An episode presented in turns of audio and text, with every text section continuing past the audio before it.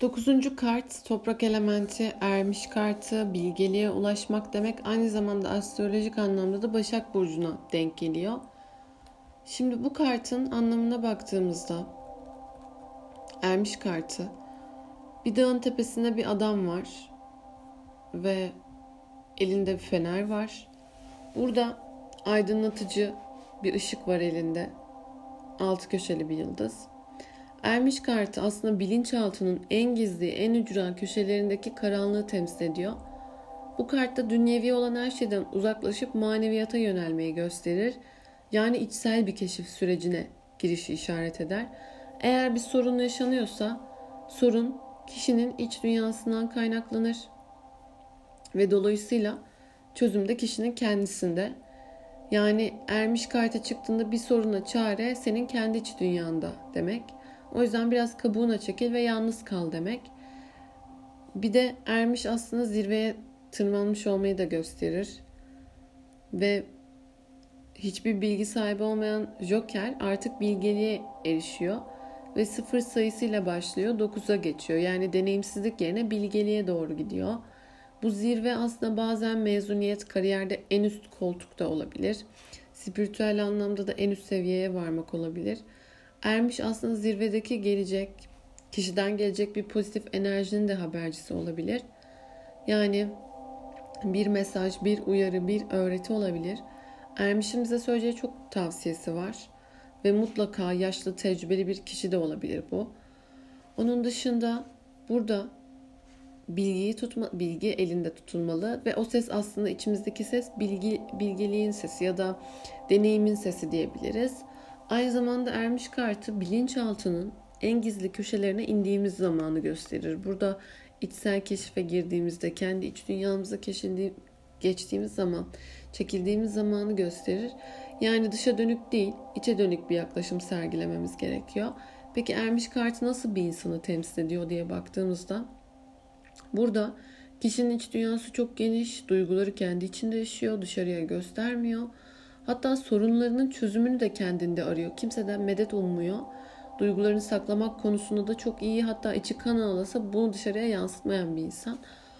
Yaptığı işin ustasıdır, uzmanıdır, öğretmendir, tavsiyeleri dinlenmeli.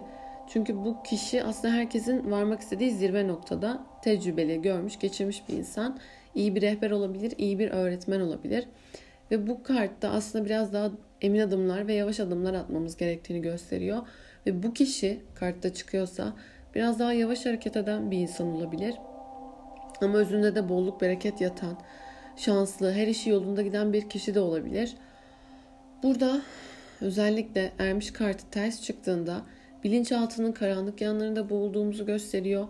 Bu kişi yaşadığı sorunlara çıkış yolu aramıyor ve bir de karamsar yani karamsar tavırlar yapıyor olabilir.